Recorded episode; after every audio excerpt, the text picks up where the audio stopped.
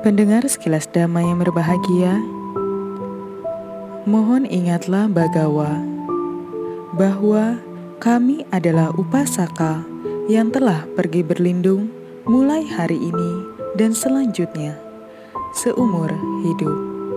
Demikian penggalan Mahawaga 1 ayat 6. Tapusa dan Balika, dua pengikut pertama.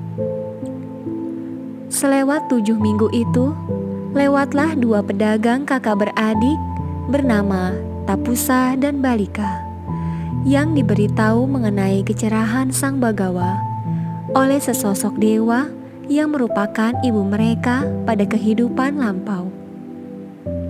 Dewa itu menganjurkan agar mereka mendermakan makanan kepada bagawa supaya perbuatan baik ini memberi mereka kebahagiaan. Tapusa dan Balika mempersembahkan kue beras dan madu kepada sang Bagawa. Bagawa menerimanya dengan mangkuk kristal. Tapusa dan Balika lalu menyatakan, "Kami pergi berlindung kepada Buddha dan Dhamma.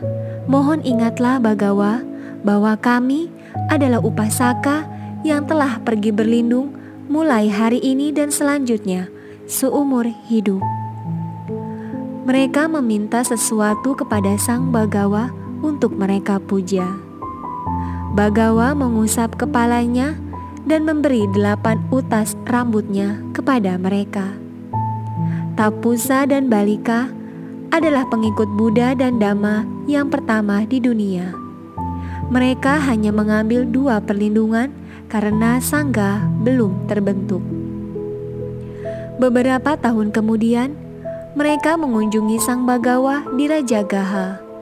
Setelah mendengarkan dhamma, Tapusa menjadi Sotapana, Balika menjadi Biku, dan kelak menjadi Arahanta.